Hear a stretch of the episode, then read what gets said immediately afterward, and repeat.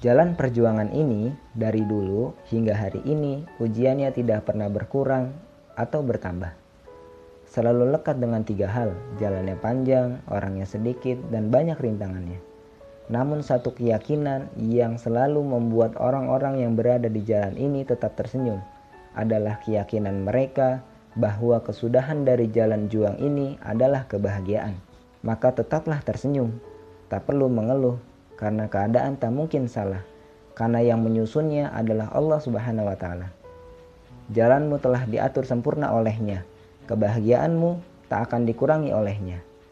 Hidup ini bukanlah seperti sandal masjid yang mudah tertukar. Semuanya sudah ditetapkan.